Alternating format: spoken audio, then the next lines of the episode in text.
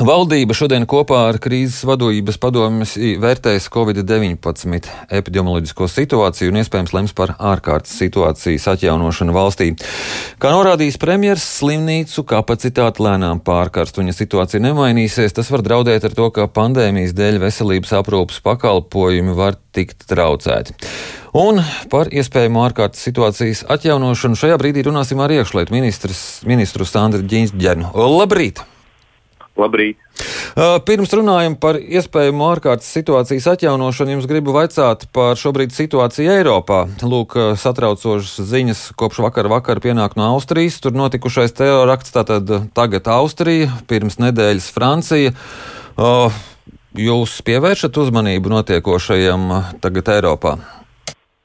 Bez šaubām, un tas ir tas virziens, kur es lūdzu atbalstīt valdību, stiprināt uh, gan valsts policiju, gan robežsardzi, gan arī drošības dienestus. Eh, jo mēs redzam, ka notiek Eiropā radikalizācija, terorisma draudi, attīstās organizētā noziedzība, kiberuzbrukumi.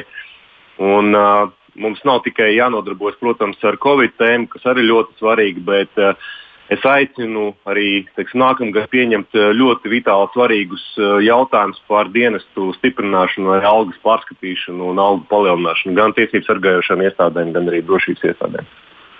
Jā, tas ir eh, skats nākotnē, bet tā, tieši lūkojoties šobrīd uz notiekošo, kaut kādi secinājumi tiek izdarīti, cilvēkiem ir par kaut ko jāstraucās. Cilvēkiem Latvijā nevajadzētu ne par ko uztraukties, jo mums salīdzinoši zems terorismu līmenis, bet uh, jāņem vērā, ka tas ir uh, darbību kopums, kuru profesionāli nodrošina gan uh, drošības iestādes, pamatā arī valsts drošības dienests, gan arī tiesību sargājušās iestādes, kā valsts policija sadarbojas starptautiskā līmenī ar partneriem. Šeit tiek iesaistīts Eirodžas, Eiropols un notiek aktīva informācijas apmaiņa. Bet uh, cilvēki Saprotiet, eh, mēs varam tikai pateikties par to, ka mums Latvijā ir tādi profesionāli dienesti, gan drošības dienesti, gan arī tiesību sargājušās iestādes. Ja paskatās to darbu apjomu, ko viņi paveic, gan Covid krīzes pārvarēšanā, gan arī to, lai šie terorisma un organizētās noziedzības draudi būtu samērā mazi, mums ir jānotur šie profesionāļi dienestos. Un mēs nedrīkstam pieļaut tās fatālās kļūdas, kuras tika pieļautas 2008. un 2009. gadā. Es cīnīšos par visiem dienestiem kopumā. Jā, par ārkārtas situācijas atjaunošanu valstī. Kādi būtu tie galvenie argumenti, kas uh, valdībai varētu šodien likt noslēties par uh, labu ārkārtas situācijas atjaunošanai? Noteikti primāri uzklausīsim ekspertus, epidemiologus. Man personīgi interesē, kādas mums ir kapacitātes, ja resursi veselības sektorā, Nu, tomēr mums vajadzēja arī saplānot uh, visus šos resursus, bija jau skaidrs vasarā, ka būs otrais vilnis. Tāpēc uh, noteikti ar uzmanību uh, klausīsimies šodienas krīzes vadības padomus sēdi, kādi būs piedāvājumi, risinājumi. Nu, es redzu, ka gan premjeram, gan veselības ministrijai, gan valdībai un es domāju arī sabiedrībai viens no galvenajiem mērķiem būtu tiksim, šo inficēto personu skaita samazināšanās. Un šeit ir ne tikai valdības uh, atbildība, bet arī sabiedrībai un katram mums individuāli vajadzētu padomāt, nu, kādā veidā sargāt sevi, sargāt sevi un Dievs tevi sargās. Neiet uh, uz tādām vietām, kur pulcējās ļoti daudz uh, cilvēku, padomājiet un pārskatiet savus ikdienas paradumus. Droši vien nevajadzētu katru otro dienu doties uz tirdzniecības centru, veikaliem. Vienkārši aiziet, nopērciet to, kas jums ir jānopērk Varbūt tiešām nav grūti uz tām desmit minūtēm uzvilkt to individuālo aizsardzības līdzekli. Es pats personīgi to daru un aicinu. Tā kā jebkurā gadījumā svarīgi ir pārdzīvot to, lai šis inficēto personu skaits samazinās. Tas ir galvenais viens no pašmērķiem. Sakiet, bet kādā sakarā jums īpaši interesē šis jautājums par veselības nozares kapacitāti? Jums ir kādas aizdomas, ka vasarā nav notikusi pienācīga sagatavošanās jaunam uzliesmojumam? Nē, es tā neteicu, bet uh, es vienmēr skatos bildi kopumā, ne tikai savu resoru, bet uh, arī veselības sektoru, aizsardzības, iekšlietu resoru un valsts attīstību kopumā.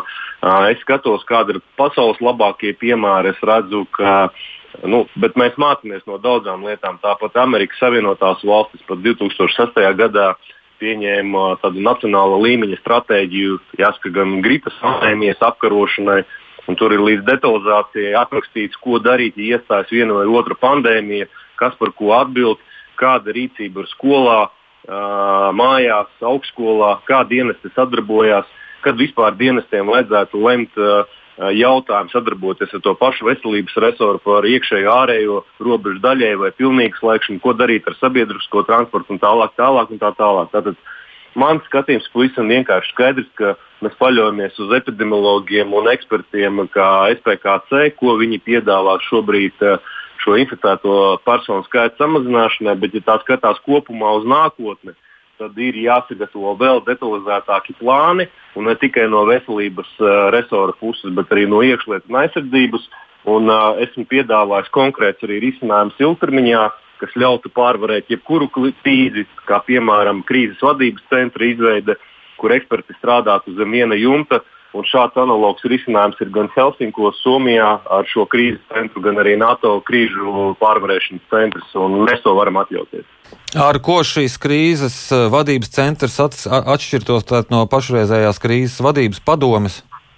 Un tāpēc, ka šobrīd krīzes vadības padomes sēde sasauc viens cilvēks, Lūks sekretariāts. Un kamēr tiek sasaukta uh, sapulce, vai arī kamēr noformējās darba grupa, kura, piemēram, secina viena, ka ir otrā problēma, tad krīzes vadības centra gadījumā eksperti zem viena jumta jau strādā, pieņem lēmumus un iespējams lokalizē problēmu. Tā ir liela atšķirība. Sasaukt sapulci un tad risināt jautājumus vai jau atrisināt problēmu tur, kur viņi ir redzami. Kādi viedokļi šobrīd ir valdībā?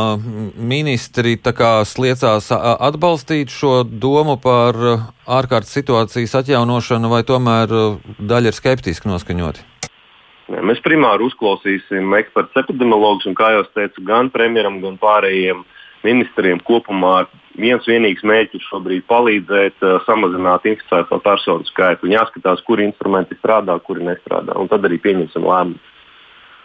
Ārkārtas situācija, ko tas nozīmēs policijas darbā? Vai tas nozīmēs, ka policija vairāk kontrolēs noteikto ierobežojumu ievērošanu?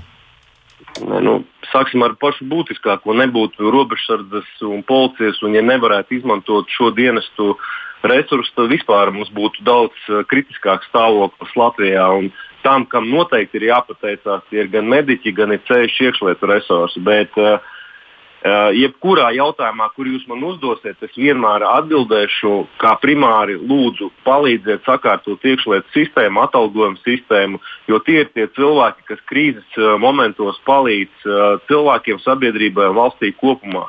Un tikai pateicoties viņiem, mēs varam jebkuru krīzi novadīt arī ugunsdzēsējiem. Pēc, uh, Vēlreiz, ka šodien būs ļoti svarīgi uzklausīt uh, ekspertus, epidemiologus, ko viņi iesaka, kā, ko viņi saka, kas pēc plāna strādā, kas nestrādā.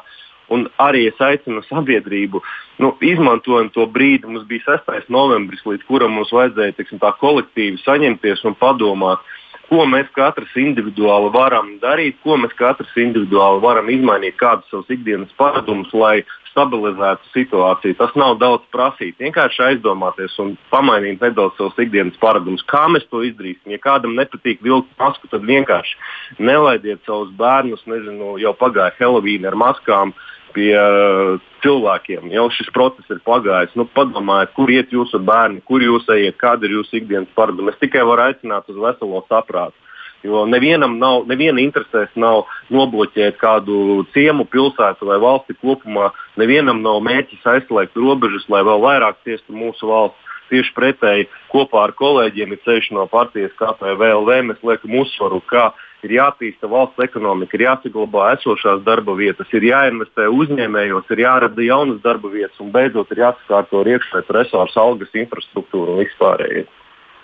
Jā, bet es tomēr nesapratu, policija kaut ko kontrolēs. Piemēram, tagad pēc pāris nedēļām par sejas masku nenāsāšanu varēs piemērot sodu, vai policija ar to nodarbosies? Jā, policija ar to nodarbojās. Policija lielāko daļu arī savu resursu izmanto šo epidemioloģisko drošības prasību ievērošanai, bet atšķirība ir pavisam viena. Tas, ar ko es pievienojos ar Ruka kungu, po policijai primāri, protams, ir savi ikdienišķie uh, ikdienas funkcijas - sabiedriskā kārtība, drošība, nozieguma atklāšana, prevencija. Bet mums nākas strādāt arī ar pašizolācijā esošu personu kontroli. Mēs palīdzam SPKC, veselības inspekcijai. Mēs izdarīsim savu darbu.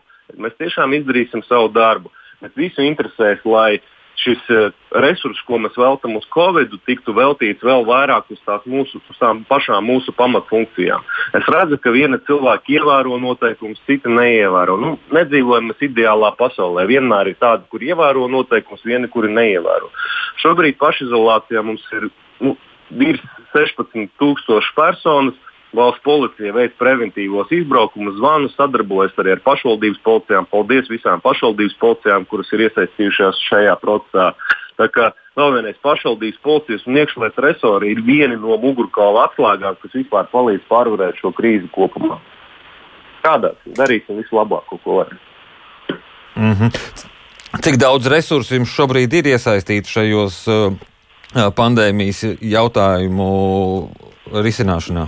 Ļoti liela, un pie tam, ka mēs neslēpjam, mēs norādām, ka mūsu dienestos ir būtiski štatu iztrūkumi gan robežsardzē, gan policijā. Un, Paldies Dievam, ka mums ir jauns valsts policijas priekšnieks. Es novērtēju viņa darbu, arī tās izmaiņas, kuras jau viņš šobrīd sāk veikt struktūrālās reformas, rotācijas. Mums ir vienota izpratne, kā vismaz daļēji aizpildīt šos robus cilvēku resursā. Bet vēl vienreiz, katra krīze novājina gan valsti kopumā, gan arī institūcijas. Savukārt, ja pieņem gudrus, tālredzīgus lēmumus, tad no krīzes var iziet, nu, ja ne pa nulēm, tad vismaz attīstīties. Es ceru, ka mēs kā valdība arī spēsim uh, salikt šīs pareizās prioritātes un pareizā prioritāte, lai izietu no krīzes uh, ar tādu attīstības vektoru, jāstiprina uzņēmēji, jāsargā uh, mūsu nodokļu maksātāji vienlaicīgi ir jārūpējas par dienestiem, gan par mediķiem, gan par iekšlietu sistēmu, gan tiesību sargājušās iestādes, pašvaldību, policijas un drošības iestādes. Viņiem visiem ir jāpalīdz. Viņi nodrošina visu, kas mums ir vajadzīgs - drošību, mieru, stabilitāti. Un, ja ir drošība, mieru, stabilitāte, Sakiet, tad ir ekonomiskā. Vēl, vēl, vēl mums laika nav daudz palicis īsumā. Cik daudz uh, policistu šobrīd ir ārpus ierindas dēļ Covid, dēļ saslimšanas vai dēļ pašizolācijas?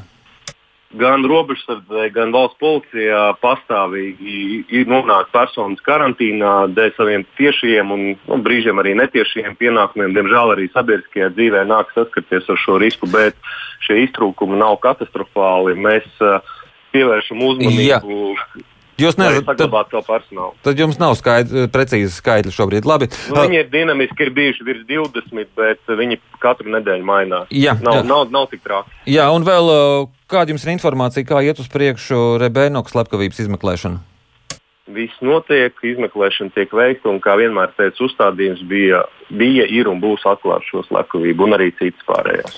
Jā, liels paldies jums par šo sarunu. Atgādinu, ka mēs sazinājāmies ar iekšlietu ministru Sandi Girģeņu.